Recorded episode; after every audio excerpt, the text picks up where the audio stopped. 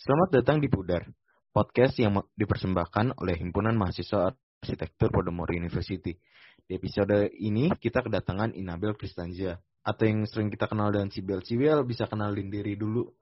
Mungkin karena kita bukan podcast dari Kobusher yang semuanya udah terkenal. Kenalin diri dulu, Ci. Oke, hai gue Ibel, gue ini anak angkatan 2017. Jadi sekarang gue lagi kerjain akhir. Itu aja kenalan. Ini uh, selama berkuliah sampai tugas akhir sekarang, lu aktif ikut berorganisasi kan, Ci? Bahkan pernah jadi ketua hima ya. Coba uh, itu kapan, Ci? Lu jadi ketua hima periode berapa? Iya, gue selama apa jadi mahasiswa arsitektur, gue ada tiga kali ikut di semuanya di Himars di tiga tahun.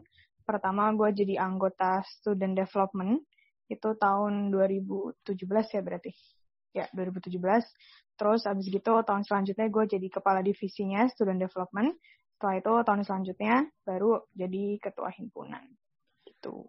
Kuliah udah selama tiga tahun juga, tiga setengah tahun ya. Iya betul. Terus kenapa Ciko lu tiga tahun di Hima nggak nggak mau coba di BM gitu? Enggak sih, karena um, liatnya, maksudnya ketika masuk ke himpunan kan banyak ya yang perlu diperbaiki, perlu dibenahi. Jadi ya setia aja sih sama himpunan. Banyak yang mau diubah, dikembangin dan kayaknya sih lebih cocok kalau memang di himpunan aja, bukan di PEM atau BPM. Karena uh, konteksnya juga lebih arsitektural ya. Jadi nggak jauh-jauh amat juga dari kuliah sebenarnya. Bisa nambah ilmu juga. Gitu sih pertimbangannya. Ci, ini ada catatan pertanyaan nih. Uh, sekarang kuliah gimana? Apakah ada gangguan? Lagi tugas akhir kan? Yap. Tapi belum ini ya, belum masuk ke desainnya ya masih ke research research ya? Iya betul, masih kerjain um, laporannya. Maksudnya kuliah gimana tuh? Kuliah gimana sebagai anak uh, akhir apa tahun akhir atau kuliah gimana pas covid? Atau dua-duanya atau gimana? Bagaimana lu kuliah sebagai tahun akhir, sebagai mahasiswa tahun akhir dengan jurusan yang terbilang susah dan di situasi covid sekarang? mungkin gitu. Oke. Okay. Um, kuliah kalau jadi sebenarnya bayangan gue ya emang kalau dilihat dari semester 1, 2, 3, 4, 5 itu kan SKS-nya naik terus ya jumlahnya. Jadi um, apa wajar kalau misalnya bebannya naik terus gitu. Tapi semester 6, semester 7 kan sebenarnya SKS-nya nggak sebanyak uh, SK apa semester sebelumnya. Jadi bayangan gue itu um, bebannya nggak nggak nambah gitu. Jadi at least stagnan lah, nggak yang nambah berat banget gitu. Kenyataannya tidak. Jadi walaupun SKS-nya kecil pun ternyata bebannya juga masih luar biasa apalagi semester ini um, nge apa ngerjain tugas akhir um, dan ngerjain ADS 7 yang kurikulumnya baru. Jadi um, apa ya? Dan itu sebenarnya uh, lumayan banyak uh, workshopnya sih. Jadi banyak bikin market, banyak bikin prototyping yang lumayan sulit uh, dikerjain pas COVID karena kita harus cari barang, cari alat dan sebagainya. Um, susahnya mungkin sebenarnya kalau semester ini masih better dibanding semester lalu karena semester lalu udah sempat uh, kita kan uh, apa online juga, jadi lebih gampang adaptasinya, uh, udah bisa apa ya ngatur waktu, udah bisa tahan-tahan nugas nggak rame-rame, um, ya udah bisa inilah uh, manajemen dengan baik gitu gimana kuliah uh, di keadaan covid kayak gini. Dan mungkin yang penting juga kalau lagi covid kayak gini banyak-banyak approach sih ke dosen biar asistensi dan sebagainya. Karena mungkin kalau kelas nggak terlalu efektif ya uh, apa pas covid kayak gini. Karena um, ya mungkin kita karena uh, kalau gue pribadi gue online gini gue uh, susah sih untuk kelas uh, online. Karena entah kenapa gue merasa nggak nggak nggak terlalu nyaman gitulah. Gue lebih suka kalau kelas beneran gitu. Jadi ya itu sih approach dosen.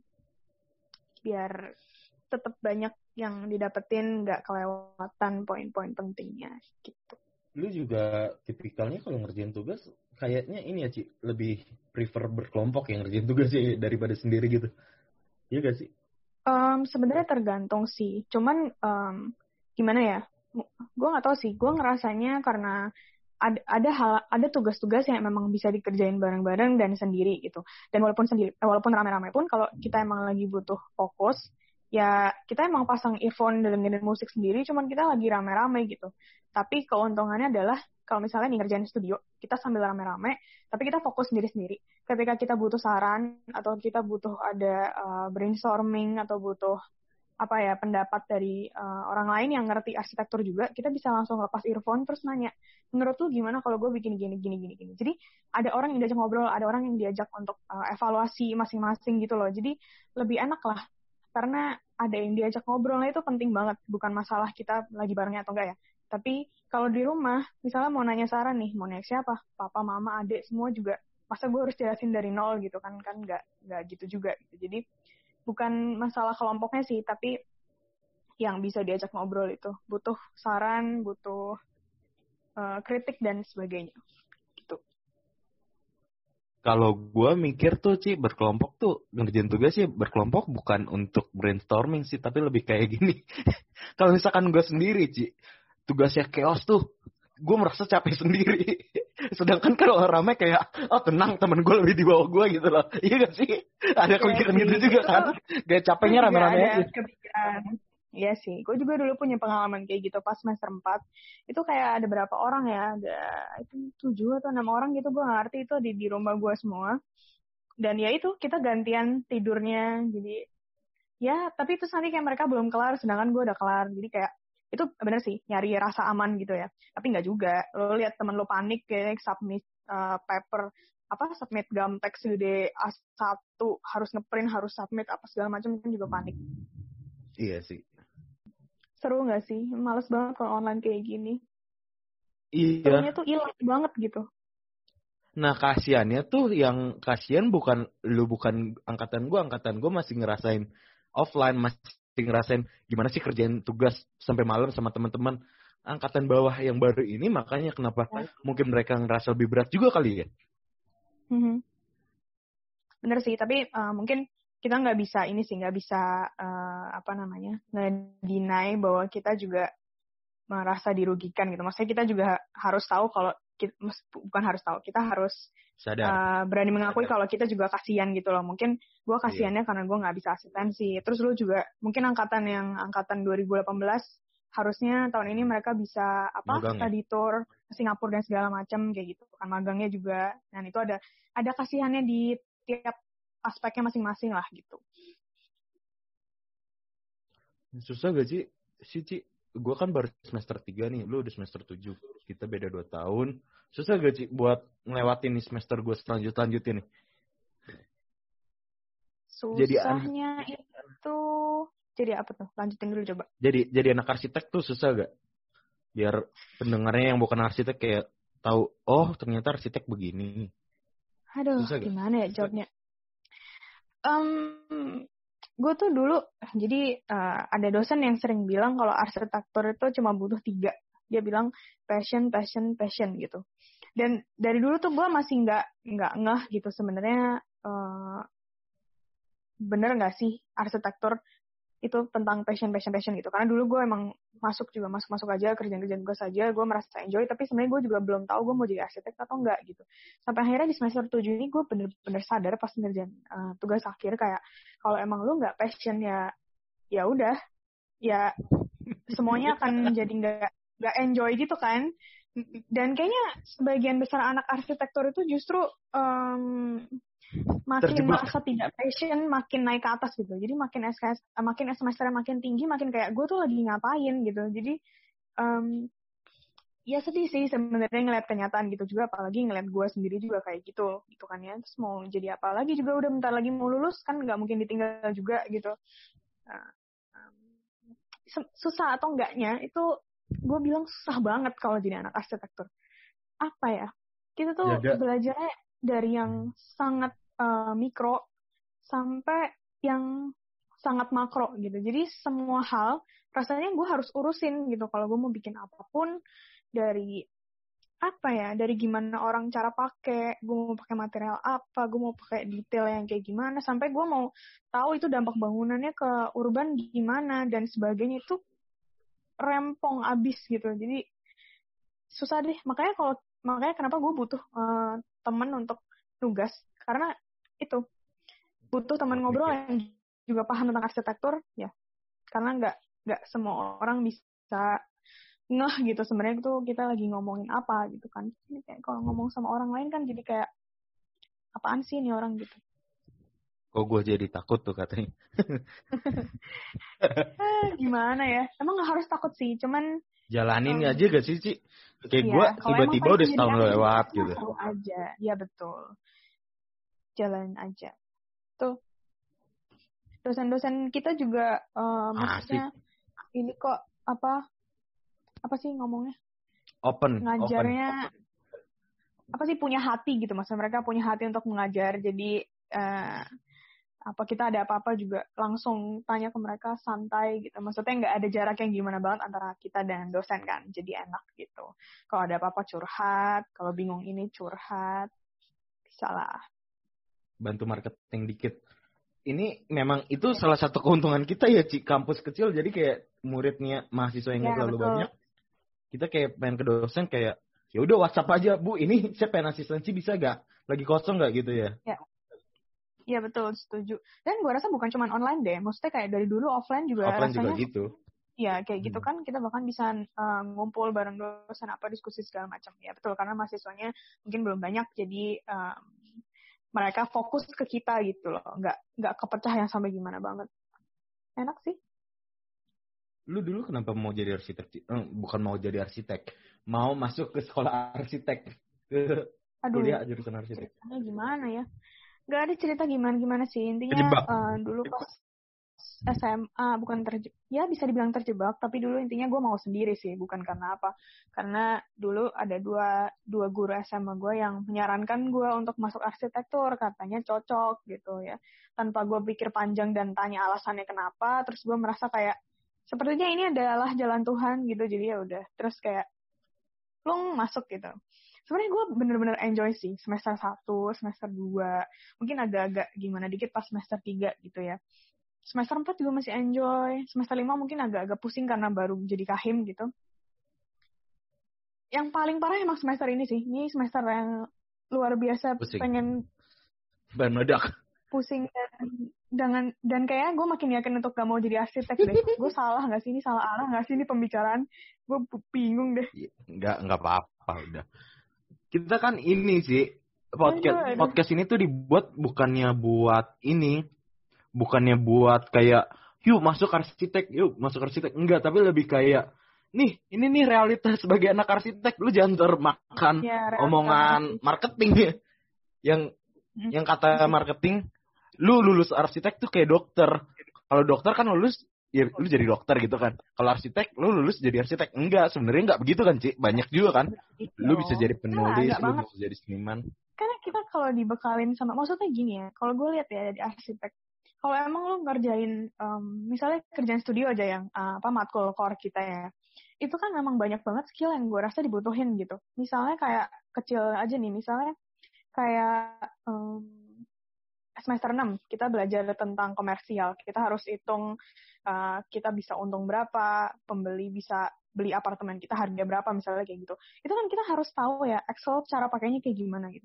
Meanwhile kita lihat di um, prodi lain, mereka ada matkul khusus untuk belajar uh, apa uh, program dari uh, Microsoft gitu. Jadi kayak iya. kita tuh sebenarnya butuh skill yang yang luar biasa banyak sebenarnya. Kayak misalnya kita bikin panel, kita harus tahu um, cara pakai Photoshop lah, pakai InDesign lah, dan itu semuanya nggak diajarin kita harus bisa sendiri gitu dan itu artinya juga kayak um, apa ya kasih kita juga skill baru kan karena kita belajar sendiri gitu jadi itu menurut gue lu jadi lu school, apa kuliah jadi arsit kuliah arsitektur lu lulus mau jadi apa juga bisa deh gue rasa karena lu belajar udah tahan semuanya. mentalnya udah kepaksa belajar semuanya udah udah apa ya terbiasa um, belajar sendiri juga, cari tahu banyak hal, lihat dari detail sampai makro itu tuh bekal banget sih. Kita juga belajar research ya Ci. Lu diajarin research Betul. pasti kenceng kan. Lu pernah ngomong ke gue lu orang research banget kan daripada ngedesain gue mendingan research gitu kan. Ya, Iya nggak betul. Betul. Nah, itu-. Itu kepake gak Ci? Misalkan untuk kayak aduh gue mau nih masuk arsitek cuman gue nggak bisa gambar nih Ci. Gue cuman kuat di research gitu. Gue seneng ngebaca, ngebaca informasi baru. Kepake gak? Buat jadi mahasiswa dan untuk kalau lulus gitu kepake gak? Oke, kalau misalnya tentang research, gue rasa untuk semua prodi butuh kali ya. Karena em, ya kita kan belajar sesuatu bukan dari apa yang nggak ada jadi ada gitu. Jadi kita harus tahu dulu yang ada apa, lalu kita kembangin gitu kan eh, gampangnya. Kalau em, it- dan itu pasti ngebantu banget sih untuk perjalanan gitu. Karena bikin desain ya pasti lu ditanya kan, kenapa gini, kenapa gini, bla bla bla bla. Dan itu semua harus ada alasan secara logis, ada argumen dari lu juga. Kalau lu nggak ada dasar yang kuat, ya tidak akan lulus gitu. Jadi em, mungkin itu sih yang penting. Kalau misalnya gambar, gue nggak bisa gambar, gue masuk, gue kayaknya pas eh, arkom pertama itu bahkan gue pernah dapet C pas gue arkom satu deh kalau nggak salah. UTS gue dapet C sih inget gue. Itu UTS loh dapet C, gue nggak paham juga itu gimana. Gue emang beneran nggak bisa gambar gitu, tapi arkom mengajarkan apa ya? Sebenarnya bukan apa gambarnya sih yang penting, tapi gimana kita bisa eh, komunikasiin em, apa yang apa ya komunikasiin konsep kita, komunikasiin kita maksudnya apa dan eh, dan itu lewat grafik, lewat gambar, lewat market dan sebagainya gitu. Jadi kalau nggak bisa gambar ya gambarnya nggak usah bagus kok, yang penting orang paham, kita bisa Informatif. jelasin. Kalau kata Betul, kalau kata Pak Santoni yang penting informatif. ya betul. Gua gua sih gini sih. Gua tuh orangnya kan mut-mutan. Jadi kayak Hmm. kadang kadang gue semangat banget nih. Ih gila nih gue anak arsitek gitu. Anak arsitektur nih. Gue mesti belajar ini belajar itu. Cuman di satu sisi kayak aduh gue capek banget nih gitu. Nah untuk naikin gue semangat adalah gue research lagi sih. Kalau misalkan semangat gue udah turun gue research kayak arsitektur tuh bisa ngapain aja sih gitu loh. Gue research nih arsitek-arsitek yang memang menurut gue stylenya gue suka. Dan ternyata banyak arsitek yang nggak bisa gambar, yang gambarnya cuma coret-coretan tapi bisa jadi terkenal banget gitu, iya gak sih? Betul, banyak banget kok. Jadi kita memposisikan diri aja jadi mereka juga. Gue nggak bisa gambar juga, tapi gue bisa arsitek. Iya. Siapa tahu suatu saat kayak ah gue nggak gue lulus dari sini nggak nggak nggak ada drafter drafteran langsung jadi arsitek langsung jadi chief Amin, aminin aja nggak sih? Tapi ya memang tetap harus apa ya ada standarnya lah ya. Karena Ada kan di kita standar. ya, namanya kuliah tetap ada uh, requirement tugas yang harus dipenuhin gitu. Ya, Ya, karena- maksimalin aja kok. Apa kalau Arkom juga gue rasa requirement-nya bukan yang harus bagus gitu kan ya. Yang penting yang penting apa ya objektifnya bukan bagus tapi informatif gitu kan. yang penting proporsi. Intinya tuh proporsi sih gue selama gue selama satu semester tuh di tracking pas arkom tuh cuma satu kata doang dari dosennya sih nggak ada ngomongan lain. Proporsi. Proporsi dan next. Next gambar doang. Proporsi next. Proporsi next. Ingat proporsi. Gitu gitu terus tau gak sih? Kayak iya ya proporsi lah. Iya. Tapi kita tapi secara nggak langsung tuh kita nggak sebenarnya kalau diinget-inget kita nggak pernah dapat materi yang proporsi gambar tuh gimana sih yang bagus gitu-gitu loh Ci. Hmm, Jadi memang iya ya. ya udah lu di brainstorming proporsi proporsi proporsi cuman lu nggak tahu arti Nempel proporsi ya? itu apa gitu paham gak sih Nempel di kepala. iya Kepake nggak pas di studio? Maksudnya jadi kebayang-bayang gitu nggak? Tiap mau bikin apa jadi kayak proporsinya gimana ya gitu nggak sih? kepake Eh, lebih ke ini sih kalau se- sekarang kan gue udah mulai nih udah mulai studionya udah mulai galak nih kan kita tuh Hmm. semester satu semester dua kan studionya masih santai nih Ci. Ya kan kalau di kampus kita. Kalau studio tiga kan udah mulai digalakin nih. Memang udah mulai kerasa kayak oh gue pengen nge-sketsa nih bangunan 4 meter. Ini sebelahnya 8 meter berarti gue kurang lebih setengahnya gitu-gitu loh. Kayak sketsanya jadi lebih terukur dikit lah gitu kan Iya. kalau misalkan kita nggak ngerti gambar dulu kan kayak asal aja udah gue pengen gambar apa juga yang penting menurut gue segitu gitu kan Eh, apa sih kayak point of view-nya juga untuk gambar pasti berubah sih. berubah Lebih kayak merasa sok jago gitu loh. Betul. Dan juga kita kayak ini gak sih Ci karena ini juga gak sih kita udah kayak udah semester 2 tuh udah biasa gambar dan udah dimingin bentar lagi lu bakal digital kok. Ini nggak kepake kok gitu bang. Gue setuju banget gila. Itu pas semester 2 itu gue rasanya kayak bisa buruan gak ini gue mau buruan mau masuk gitu ke digital eh pas masuk gue kayak ah, sama aja lah gue juga ngerasain laptop apa blue screen nge terus nah segala macam lah ribet juga apalagi kalau misalnya errornya di apa ya kalau misalnya lu gambar nih, gambar teknik pakai tangan gitu kan, lu kan bisa menjauhkan hal-hal buruk, jauhin kopi, jauhin teh, semua air lu jauhin gitu, lu gambar di tempat yang aman, itu kan gambar nggak bakal kenapa-napa ya. Tapi kalau lu lagi bikin CAT, lagi bikin SKP, lagi bikin Revit, terus tiba-tiba dia crash, apa yang bisa lu lakukan? Tidak ada selain menangis gitu kan. Jadi kayak sama aja deh pokoknya. Ya lebih cepet dibilang juga enggak sih. Gak tau lah. Tapi mungkin kita menganggap bahwa digital itu udah gampang kali, sih jadi kayak ah digital kan gampang lu bikin tembok tinggal bikin garis naikin doang gitu kan. Iya. Tapi padahal tidak segampang itu. Hei, Anda Ya, anda, prosesnya masih panjang. Anda mesti bikin denah dulu, mesti terus modeling dulu ya, Ci. Lalu texturing. Iya. Apalagi? Bikin bikin apa ya? Gak tau sih kalau gue kan pakai Revit jadi gue mau bikin dinding gue harus pikirin itu mau berapa senti dulu finishingnya mau pakai apa gue atur dulu settingan materialnya ah, bla bla bla rempong banget deh. Hmm. tapi ya biar cepet aja sih. Iya. Sih lu ya, ya susah di awal enak di akhir lah. Uh -huh. tapi Betul. setelah lulus juga kita nggak nggak enak kan? Kerja juga kita nggak bisa langsung tiba-tiba. Aku arsitek aku jadi arsitek langsung. Enggak gitu kan konsep konsep kayaknya, dunia arsitektur kayaknya, tidak begitu kan? uh, apa uh, podcast selanjutnya harus undang yang udah lulus deh. Jadi tahu iya, sebenarnya iya. kita lulus tuh jadi apa sih? Kita masih kayak begini juga masih jadi budak dalam tanda kutip ya budak tugas gitu. Atau um, jadi bahagia ya kan? Itu perlu tuh kalian cari tahu tuh. Kita iya. minta buktinya sama orang yang yang yang baru-baru lulus ya kita juga ya ntar deh Ya. Nextnya, nextnya kita ajak Desmonda. No.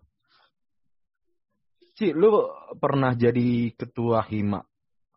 Ribet gak? Hmm? Um, sebenarnya ribet enggaknya kan tergantung kita ya. Kita mau kita jadi ketua hima yang pertama, gue nyebutnya himars kebiasaannya sorry. Uh, ketua himars tuh himars hmm, mau mau mau ngapain gitu. Kalau misalnya jadi ketua himers ribet dan enggaknya itu tergantung kita mau bikin uh, acara apa, mau bikin perubahan apa di himars dan sebagainya. Ribetnya mungkin kalau buat gue ribet bukan ribet sih menurut gue agak sulit adalah ketika um, gue belum bonding sama anak-anak Himars gitu ya. Jadi gue belum kenal banget gitu. Kalau di di masa jabatan gue ya. Dan terus tiba-tiba COVID. Jadi gue sebenarnya belum kenal anak-anak juga yang gimana banget. Terus ya tetap berusaha untuk ngadain acara, tetap berusaha untuk ngelakuin proker yang udah uh, direncanain dari awal. Ribetnya di situ sih, karena memang tiba-tiba harus ada adaptasi yang cukup besar ya dari offline ke online ya lu juga ngerasain sendiri lah ses gimana lu telepon sana sini terus semuanya cancel apa segala macem semuanya harus diganti online gitu kan?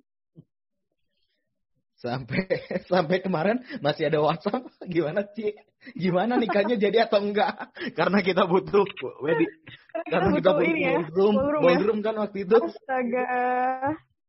Sampai masih di WA loh buat sampai masih di WA. buat kawin kan jadinya jadi beda konsep ya kan Iya, gue pas dapet itu tuh kaget juga. Kapan gue mau bilang mau nikah? Tiba-tiba gimana Mas Moses mau nikah?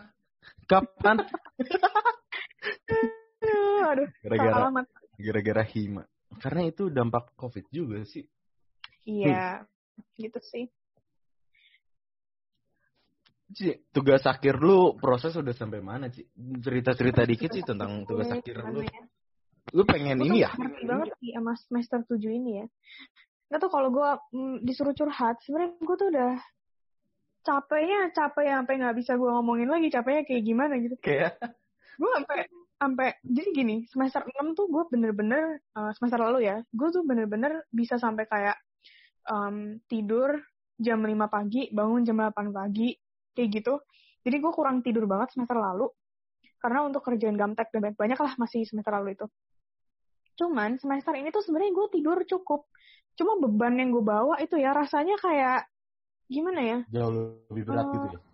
berat banget gitu karena menurut gue ADS 7 aja itu udah sangat um, berat Berat. secara secara uh, Mental. requirement tugasnya iya secara matkul kuliah yang dibawain tuh juga uh, beda sama semester sebelumnya jadi emang bener-bener baru dan apa ya pelajaran baru tuh kan lu harus juga belajar sendiri. Maksudnya kelas paling cuman ya mentok-mentok dua jam gitu. Setelah itu kan lu harus baca dulu bukunya kayak gimana untuk bisa terapin ke tugas lu itu kan nggak dalam dua jam langsung ngerti gitu. Dan itu bahasanya susah gitu.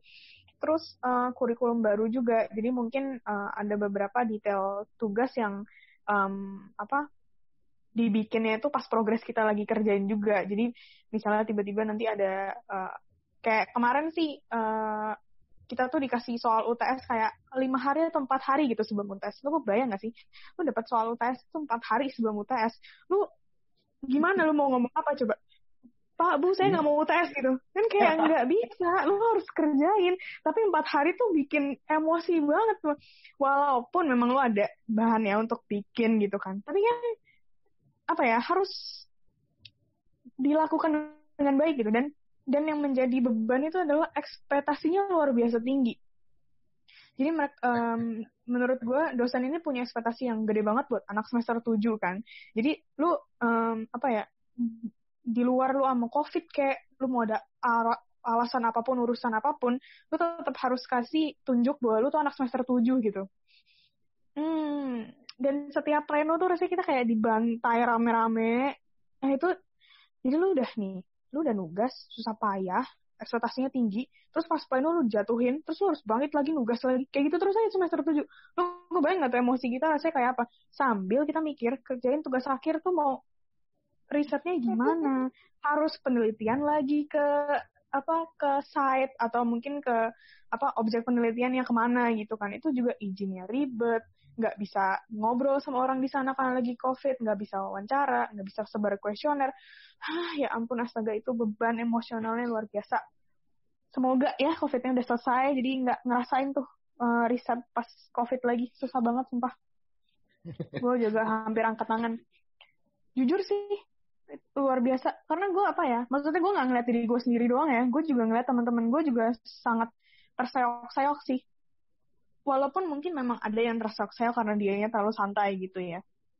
Tapi nggak sih keseluruhan terseok-seok intinya itu. Tapi gue kadang mikir apa emang mental gue yang lemah ya? Gue juga bingung sih.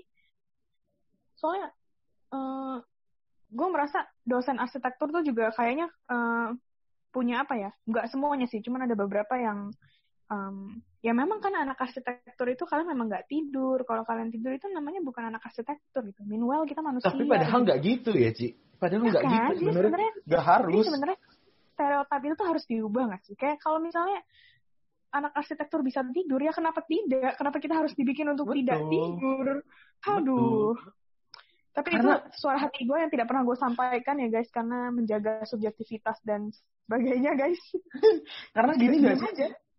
Karena gini, itu tuh udah dari dulu budayanya udah gitu loh. Makanya pas dia menjadi dosen kayak, gue dulu begitu loh. Kok lu nggak gitu? Paham nggak? Padahal kan iya ya makanya kan change gitu. itu udah kayak turun temurun banget gitu Gue tipikal orang yang sebenarnya kalau ngerjain tugas sih, Ci, jujur-jujuran agak gue tidak rela untuk waktu gue diambil sebanyak itu untuk tugas gitu loh. Kecuali memang mepet banget. ya mungkin kalau lu ada ini ya ada apa kerjaan lain gitu di luar arsitektur gue nggak ada soalnya kerjaan gue cuma kuliah doang jadi kalau gue nggak nugas ya merasa bersalah juga kebetulan mungkin karena ada gitu. iya gue ngapa-ngapain makanya gue juga bisa masuk jadi kahim ya walaupun rempong juga tapi gue emang nggak ada kegiatan lain juga di luar itu gitu maksudnya Kerja, eh, kerjaan gue sekarang ya cuman kuliah doang gitu Gue tuh paling parah sih tidur tuh. Nggak tidur ya. Pas semester lalu doang. cuma sekali. Itu karena gini, karena Arkom dan studio itu kan tugasnya berhubungan tuh. Hmm. Ya kan? Oh iya. Jadi Semester 2 ya? ya portfolio intinya gitu. Hmm. Nah, si studio hari ini kumpul, Arkomnya besok kumpul. Nah, sedangkan project itu baru keluar hari itu. Jadi, lu ngerjain project Arkom tuh satu hari gitu. Terus gue dengan pede, gue dengan pede sih, studio tuh kelar jam 9 pagian gitu. Gue bilang, oke Oh deh, gue pengen break dulu, gue istirahat dulu gitu. Gue oh santai, Istirahat ya? jam 7 malam gue bilang, oke jam 7 malam gue mulai ngerjain sih. Dengan Astaga. dengan dengan sombongnya gue ngomong portfolio gini doang lah sampai jam du- duaan lah paling malam gue bilang gitu kan. Eh Terus? sampai jam 5 pagi gue masih ngewarnain aja. Gila loh, lu bisa kerjain portfolio semalam tuh. Hebat.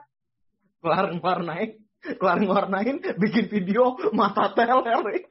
Lucu banget kalau diceritain juga. Oh iya, ada bikin video juga ya. Iya. Jadi udah jam 9 malam gue sangka kayak ini mah jam 12 gue juga kelar gambar dua jam gue warnain gitu kan ekspektasi mah tinggi Iya. tapi kan gue tapi kan gue skillnya kagak tidak sejago itu untuk mewarnai untuk menggambar gue mewarnai pakai pensil warna Ci tau gak sih Dalam hati Kita gue kalau berimajinasi suka skillnya kayak skill orang lain gitu ya. Iya. Jadi kayak imajinasinya pakai skill orang lain, padahal kenyataannya skill kita masih apaan? selama selama gue ngewarnain pakai pensil warna dalam hati gue pengen bisa pakai cat air gue pengen pakai bisa cat air kan pakai cat air enak banget ya ngeliatnya ya. Gue sama deh, gue kerjain kerjain eh bukan portfolio deh, gue kerjain yang tugas sebelumnya lagi tuh gue juga pakai pensil warna. Gue nyesel banget gue warnain jelek banget sumpah. Astaga, gue masih inget bentukannya kayak apa. Ya udahlah ya. udah jelek banget itu kan kecil ya pensil warnanya ngegambar. Gede Iya, ngewarnain berapa lembar A3 lima lembar tujuh lembar apa? Ada-ada aja. aduh itu doang tuh pengalaman ter Eh, tapi gue setuju sampai sih. Yang lo bilang kalau mata kuliah studio digabungin sama mata kuliah lain itu jadinya luar biasa. Terus semester 2 masih Arkom uh, sama studio ya. Jadi kayak tinggal lo Iya. bikin grafiknya gitu nggak sih tinggal dalam tanda kutip ya. Lalu semester berapa ya? Semester eh 5. Semester 5 tuh ADS, gabung Green Building, tadi gabung sama TUPD. Wah, pokoknya semua jadi satu dah. Gue nggak ngerti, nggak paham gue itu juga beratnya juga luar biasa tugasnya kayak diulang-ulang tapi beda gitu nggak paham juga gue tuh Iya. gila banget sebenarnya sih kalau boleh jujur menurut gue ya ini pandangan gue ya hmm. lu sebagai mahasiswa arsitek tuh tugas lu cuman gitu-gitu doang tau gak sih Ci? Lu uh, research, lu desain, lu developing konsep, abis itu lu hitung-hitung, setelah hitung-hitung gambar, revisi gambar, revisi gambar, revisi. Ntar ganti semester gitu lagi. Cuman yang bikin pusing tuh standar dosen yang makin tinggi satu. Terus yang kedua tuh lebih ke ini gak sih? Kayak apa yang ini juga lu tuh kayak ekspektasi lu harus makin tinggi lagi harus makin tinggi lagi Hmm. gitu loh. Jadi gambar yang dulu ibaratnya kalau semester 1 gambar balok detail dan lain-lain semester atas tuh kayak ya lu gambar balok nggak perlu detail. Cuman detail bangunan lu tuh makin banyak gitu paham nggak iyalah makin makin apa ya makin logis untuk terbangun gitu maksud lo ya nggak sih Iya. Makin logis untuk terbangun dan untungnya di semester gue tuh kayak masih eh, dosen gue, dosen studi gue masih ngomong kayak gini. Kalian pengen ekspektasi gedung kayak gimana? Gambar dulu aja sekarang. Mumpung masih Hmm. belum mikirin masalah budget dan lain-lain gitu loh. Paham nggak? Iya Jadi mas paham. Jadi lu pengen bikin bangunan selu- seluruhnya kaca juga ya udah gitu. Empat lantai kaca kan? juga. Iya. Tapi ya kalau dipikir-pikir sebenarnya tuh gitu-gitu aja tapi kayak kok makin lama makin berat ya gitu tau gak sih? Karena makin lama tuh ya kita di di didorong untuk mikir dari makin banyak aspek lagi. Kayak bener kan tadi semester 3 lu belum mikirin budget. Semester 4 ter lu mikirin budget mikirin apa. Semester 5 lagi lu pikirin dampaknya ke lingkungan apa simbolnya apa. Ada. Jadi ya itu makanya gue bilang di semester 7 kayaknya gue udah capek banget ya mikirin semua aspek. Rasanya kenapa sih arsitek yang ngurusin gitu? Pusing banget sumpah. Kayak lu tuh gue dulu pernah dapat tugas arkom ya yang disuruh gambar eh, apa karyanya Zaha Hadid. Terus gue tuh disuruh gambar dari yang scale-nya uh, kecil sampai scale-nya gede. Terus gue gambar dari handle pintu sampai bangunannya lah gitu. Jadi gue pikir ya arsitek tuh mikirin dari handle pintu sampai jadi bangunan gitu. Kayak gue ngapain? Eh, udahlah gue balik lagi ke topik itu kan jadinya. Padahal Gini nanti ya, juga lu jadi di arsitek juga tidak serumit itu mungkin ya. Lu lebih mikirin ini gak sih? Ya. Konsep dan approach lain gimana caranya gitu gak sih kan kalau nanti kita jadi maksudnya memang beneran akan jadi arsitek arsitek yang beneran arsitek ya bukan bawahannya kan? arsitek gitu ya Ya, ya, ya. Kita kan banyak partner lain juga. Jadi mungkin ini yang ngurusin siapa, ini ngurusin siapa, MIP yang ngurusin siapa, nanti fasad beda lagi orang gitu. Nah sekarang kan kita bisa jadi semuanya. Ibaratnya begitu guys. Kita memang makanya itu jadi arsitek menariknya tuh lu nggak dituntut untuk bisa jago MTK enggak. Lu nggak dituntut untuk bisa gambar enggak. Ya kan? Karena lu tahu Ci, gue orangnya apa kalau bercanda suka konyol. Jangan kan bercanda gue serius aja dianggap konyol sama orang. Ya kan? Setuju. Terus? Nah selama gue ngomong kalau misalkan teman-teman gue nanya lu mau arsitek bangunan lu rubuh gak? Gitu. Kayak setelah gue gue gue mendiamin doang. Tapi setelah gue tau oh ternyata arsitek tidak tidak semua tidak semenghitung itu kok gitu loh. Palingan seper iya. dua belas bentangan tiga per lima gitu gitu doang kan. Nah dari situ kayak tapi, ya gimana? Gimana gimana? Lanjutin lanjutin dulu. Dari situ gue tau bahwa stereotip ars kita sebagai mahasiswa arsitek tuh banyak beda gitu loh di kalangan masyarakat umum. Paham gak sih? Hmm, ya paham. Sebenarnya um, kayaknya bukan cuma di kalangan masyarakat umum sih. Maksud gue mungkin bukan cuma di arsitektur doang ya. Kayak misalnya kita lihat uh, contoh lain, misalnya kita uh, lihat anak psikolog gitu, kan pasti banyak orang yang bilang kayak eh baca dong kepribadian gue terus kayak kita bisa asal curhat aja sama dia berharap dia bisa kasih nasihat gitu kan. Istilahnya kayak gitu kan. Kayak misalnya kita nanya sama anak uh, apa IT handphone gue dihack dong dong dong bantuin apa gimana? Kayak gitu misalnya. Jadi sebenarnya memang ya yang paham atas ilmu itu ya orang yang mau belajar ilmu itu sih. Jadi nggak bisa harap stereotip yang gimana banget dari masyarakat. Karena ya ya mereka tidak mempelajari hal itu dan itu wajar gitu kan. Tapi kalau misalnya tadi lu bilang mungkin arsitektur nggak apa ngitung-ngitung gitu, mungkin uh, beda kali ya approach-nya kalau di Podomoro mungkin di approach-nya lebih ke arah yang entrepreneurship Konsep, gitu. Jadi ngitungnya lebih ngitung ya mungkin uh, approach-nya lebih ke sana, ngitungnya lebih ngitung duit kayak misalnya di semester yeah. 6 gitu kan. Tapi kalau misalnya di beberapa kampus lain gitu, uh, dia juga ada kok hitungan yang emang beneran Teknik hitungan rumit ya? gitu misalnya. Iya, gue sempat ada baca buku dari beberapa kampus gitu yang Karena, memang dia hitungannya hmm. kuat banget gitu. Karena uh, mungkin menurut gue sesuai yang diajarin di semester 3 tuh desain metode bahwa desain itu ada dua ini kan sih yang satu approach-nya approach science banget. Yang satu lagi uh, lebih ke artnya. Kalau kita tuh lebih ke artnya mungkin ya. Jadi kayak gue hmm. nggak dapet apa yang ditakutin banyak orang. Kayak gila ya matematikanya kan harus kuat arsitek. Ternyata pas gue lihat, hah enggak. Palingnya fisika bangunan sih. Gue cuma ngitung seper dua belas doang.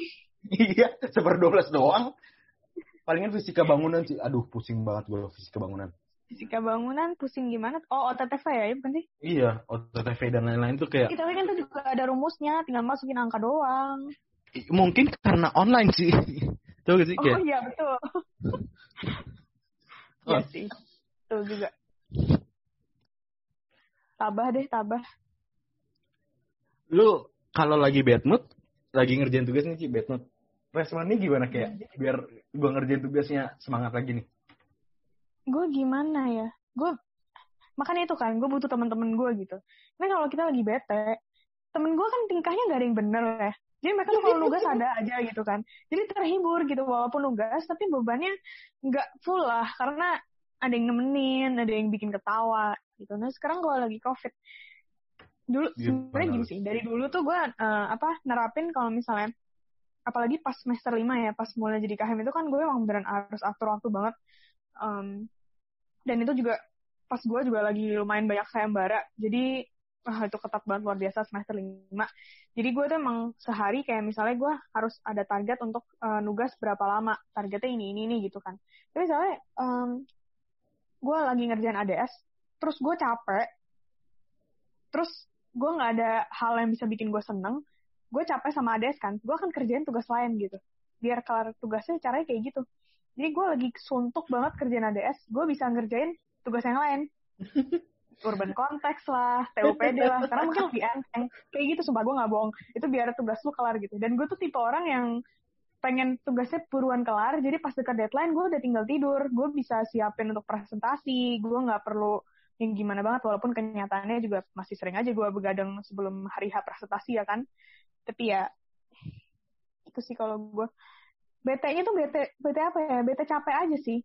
Yang kayak sakit punggung, sakit kepala gitu kan bete iya ya karena kerjaan kita sekali lagi monoton gitu-gitu doang sebenarnya ya, lagi iya. gambar ya gitu-gitu doang ya yang Depan bikin gambar ya, ya proyeknya sih.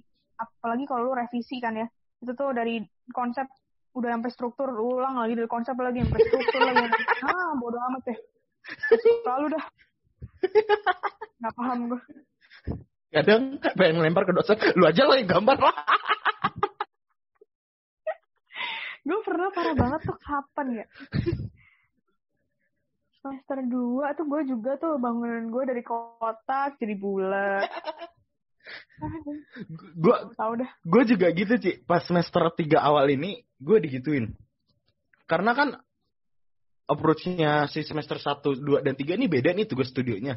Studio 1 ya lu hmm. setiap tugas setiap ketemu dapat tugas. Kalau misalkan hmm. si semester 2 udah project per uh, tiga bulan sampai UTS, UTS sampai UAS ya kan.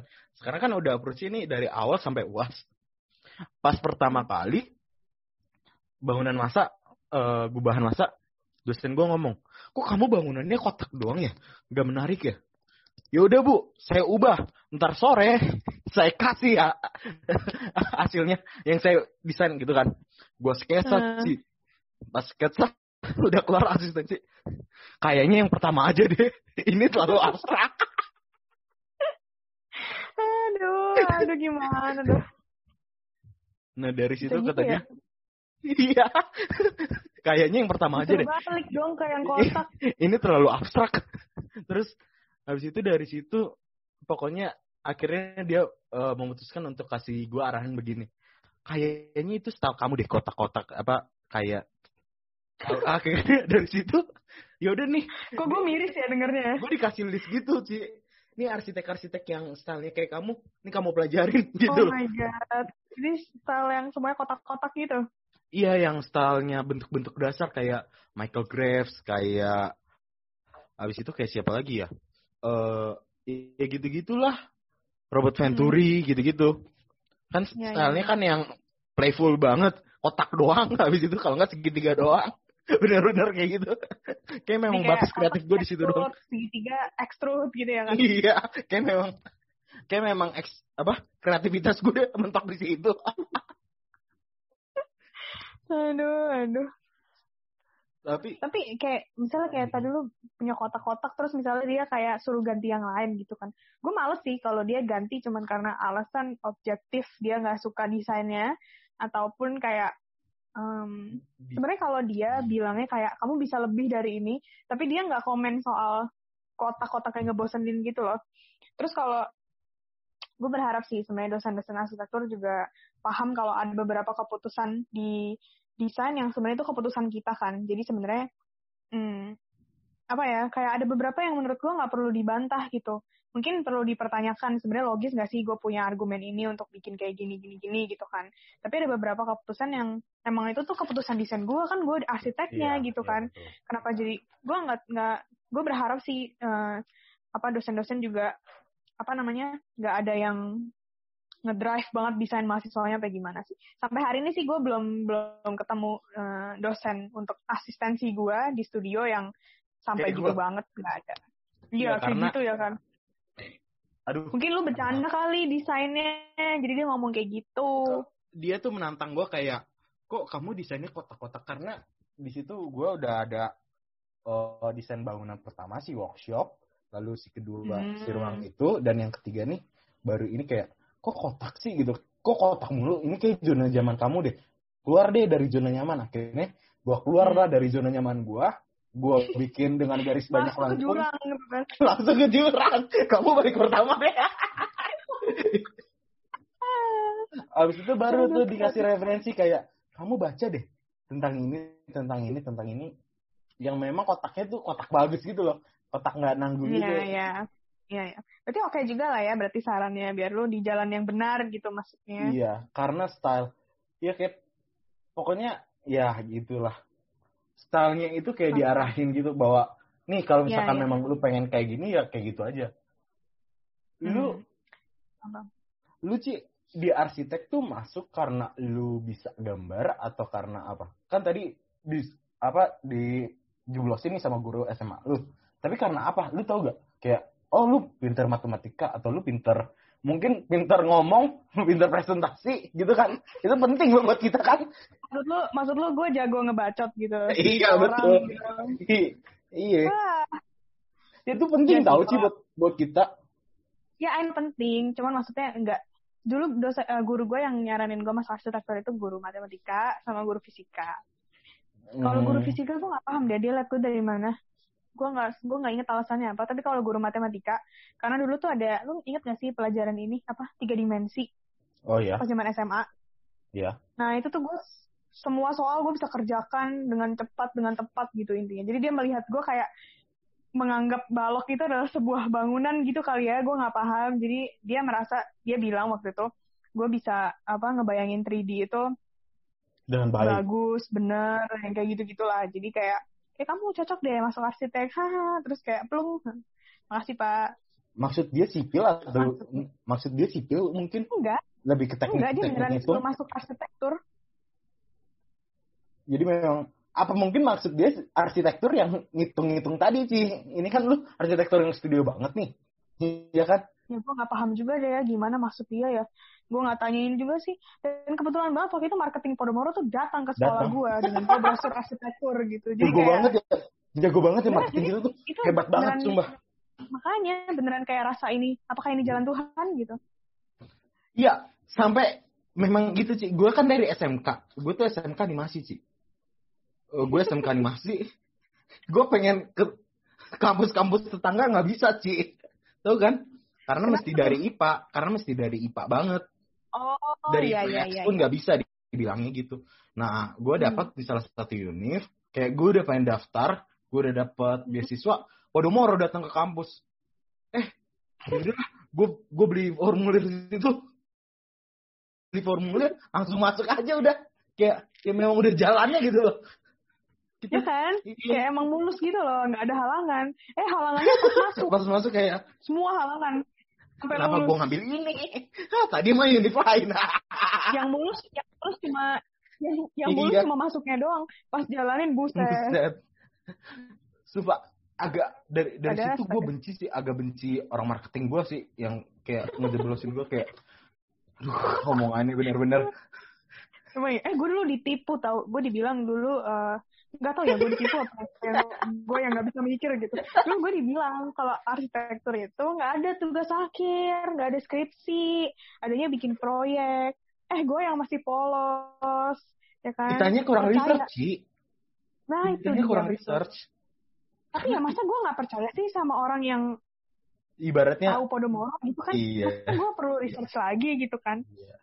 ya udah masuk. Eh gue lagi kerjaan skripsi sekarang terus orang marketing udah nggak ada resepek hmm, gimana ya? Kita tuh itulah sih kita tuh orang Indonesia kurang research bagaimana sih arsitek tuh arsitektur tuh gimana sih? Jadi kayak eh, anak SMA anak SMA yang dalam hati ah gue pengen kuliah arsitektur. Kalau gue denger kayak ah lu nggak tahu lu rasanya gitu loh kayak. Lu research dulu deh gitu loh paham nggak? Gue setuju sih tapi makanya gue bilang tadi kan memang bener-bener ya itu passion passion passion sih kalau misalnya orang masuk arsitektur misalnya kayak banyak kan teman-teman lu pasti yang kayak dari misalnya dia mau masuk DKV tapi misalnya nggak boleh sama bapaknya terus akhirnya dia masuk Gua arsitektur pasti ada tuh yang kayak gitu gue itu kayak itu ya ampun astaga itu elu lagi. kayak DKV sama arsitektur tuh jauh, Jauh. banget bedanya. Dianggapnya sama. Kalau ada sama, Dianggapnya sama karena sama-sama desain. Ya kan? Sama-sama desain. Astaga, gue gue pusing banget deh. Itu orang tua yang membuat anaknya terjeblos ke arsitektur gara-gara nggak boleh masuk di kafe sih dosanya gede sih nggak gue. Anda berdosa. Biar kata pakai duit dia juga. Biar kata, Walaupun, walaupun. biar kata dia pakai duit dia juga. Apa ya? Iya, terus kayak banyak orang tua juga yang bangga gitu anaknya masuk arsitektur. Ya udahlah, udahlah itu juga apa ya stereotip orang juga emang arsitek keren, tapi kalau anaknya nggak mau, nggak punya keren. passion, gue rasa eh, kemungkinan kecil banget lu punya passion jadi arsitektur kalau dari awal udah nggak mau, terus lu nyemplung, lu pengen jadi arsitek, itu gue rasa kemungkinannya kecil. Hebat sih, hebat banget. Karena Itu hebat banget. mentalnya dilempar ke sana ke sini atas bawah kanan kiri gitu kan yang punya passion jadi arsitek aja semangatnya Belum juga tentu. letoy gitu kan belum tentu belum tentu lulus kayak langsung mau jadi arsitek. Enggak, Nah, itu iya, susah dah. gitulah makanya mungkin karena itu juga kali ya kita jumlah mahasiswa arsitek- arsitektur banyak terus eh, banyak seleksi alam juga ya, ya. jadinya yang Seleksi jadi alam arsitek banyak juga banget. jadi berapa persen gitu dikit juga kan sebenarnya di lulusan kita lulusan arsitek di Indonesia yang emang benar-benar jadi arsitek gitu Eh, betul. Dan eh, arsitek itu tuh kayak ya udah gak sih kayak yang bagus ya itu itu lagi aja gitu paham nggak namanya itu itu lagi Hmm. aja nggak Iya. belum belum banyak gitu sebenarnya ini bisa dimanfaatin kesempatan kita sebagai mahasiswa arsitek kalau kita passion kalau nggak passion ya oh ya udah bagus udah ada ya gak sih ya bagus udah ada setuju, setuju, setuju. Cuman kalau misalkan Gitulah, kita passion, aduh gue pengen jadi arsitek nih.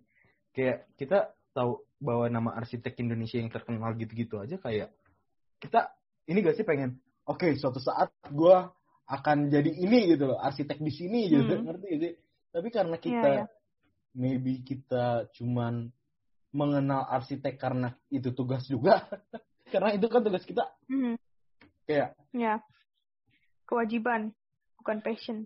Iya, coba deh. Nih ada Desmonda, Desmonda to tolong nyalain suara. Lu jadi mahasiswa arsitek, pas masuk tahu gak arsitek-arsitek Indonesia siapa aja? Enggak Yang memang pasti sama sekali. Gue cuman gara-gara ada passion gambar aja gila. Terus gue nyemplung ke arsitek. Anda harusnya Oh seni rupa. Anda harusnya seni rupa kalau gambar doang. Cuman tragis. Astaga. Gila, kisah kita memang tragis ya. Semangat ya? Semonda. Kamu masih ada tiga tahun lagi. Eh, tiga setengah tahun. Tiga setengah tahun. iya, kayak gitu. Kayak bahkan anak yang harusnya mengerti industri itu aja nggak paham gitu loh. Paham gak sih? Kayak Mhm. lu aja nggak tahu pelaku pelakunya siapa, gimana lu bisa jadi pelaku? Paham nggak? Paham gue. kalau gue tuh Ci, selalu percaya bahwa lu pengen jadi apa ya lu harus deketin dengan circle itu paham nggak kayak Mhm, misalkan lu pengen iya. jadi seniman ya lu harus deket sama circle-circle yang orang-orang Hmm. seni orang-orang yang paham Iya. seni lu pengen jadi chef ya lu mesti mainnya mungkin dengan circle chef Juna dan lain-lain gitu loh lu bagaimana caranya Hmm. lu datengin ke restorannya chef Juna ngajak ngobrol ke dan lain-lain ya itu sebagai upaya lu nah tapi kayak kita tuh kekurangannya adalah kita masuk arsitektur tapi kita nggak tahu nih pelaku siapa pelakunya siapa aja gitu loh Ya. entah karena karena apa ya menurut tuh karena apa sih Karena apa ya? Kalau ya mungkin em, emang banyak mahasiswa arsitektur yang pengen masuk arsitektur bukan karena pengen jadi arsitek gitu kan itu yang pertama. karena Jadi merasa keren. mau cari ya cuman kerasa keren doang. Dan jadi juga nggak ada tuh rasa ingin tahu ada arsitek mana bangunan apa dan segala macam gitu kan. Em, terus mungkin karena memang profesi arsitek di Indonesia juga em, masih nggak dilirik kali ya menurut gue masih kurang untuk dihargai. Masih nggak kan ya? dilirik ya? Ya. Karena industri seni Ya, masih sih. termasuk industri seni ya sih arsitek itu sebenarnya. Nggak gue gue nggak paham sih. Maksudnya em, ya mungkin karena memang orang tidak paham dunia perarsitekturan dengan ilmu arsitektur gitu ya. Bukan berarti gue udah paham Iya. juga ya, gue lagi belajar gitu. Cuman Ibarat, tapi kan ibaratnya kita udah Ya, kecemplung nih di industrinya. Sedikit banyak kita Ya. harus tahu lah gitu. Mm, Iya. Itu perlu perlu ini juga sih. Maksudnya bukan da, bukan sepenuhnya salah kita yang nyemplung arsitektur terus gak mau jadi arsitek gitu ya. Tapi memang di Indonesia gue rasa um, kita yang harus berjuang luar biasa gitu kalau emang mau jadi arsitek beneran. Karena ya apa ya? Kan ada orang yang juga bilang kalau jadi arsitek uh, kalau lu mau jadi orang kaya lu jangan jadi arsitek gitu kan. Iya. ya gitu lah. Banyak banget coach-coach gitu. Sebenarnya bukan soal bukan soal bukan soal duit doang sih, tapi soal Waktu. kualitas hidup juga. Waktu. Gue rasa sampai iya, gue rasa sampai um, bukan gue rasa kenyataannya juga hmm, orang um, jadi arsitek tuh senangnya pas tua doang gitu. Kayak bahkan kayak lulus masih masih jadi budak dalam tanda Bah- kutip, Mhm. baru lu bisa nikmatin misalnya kayak iya gitu. betul. Bahkan Ci, lu tahu To be continued.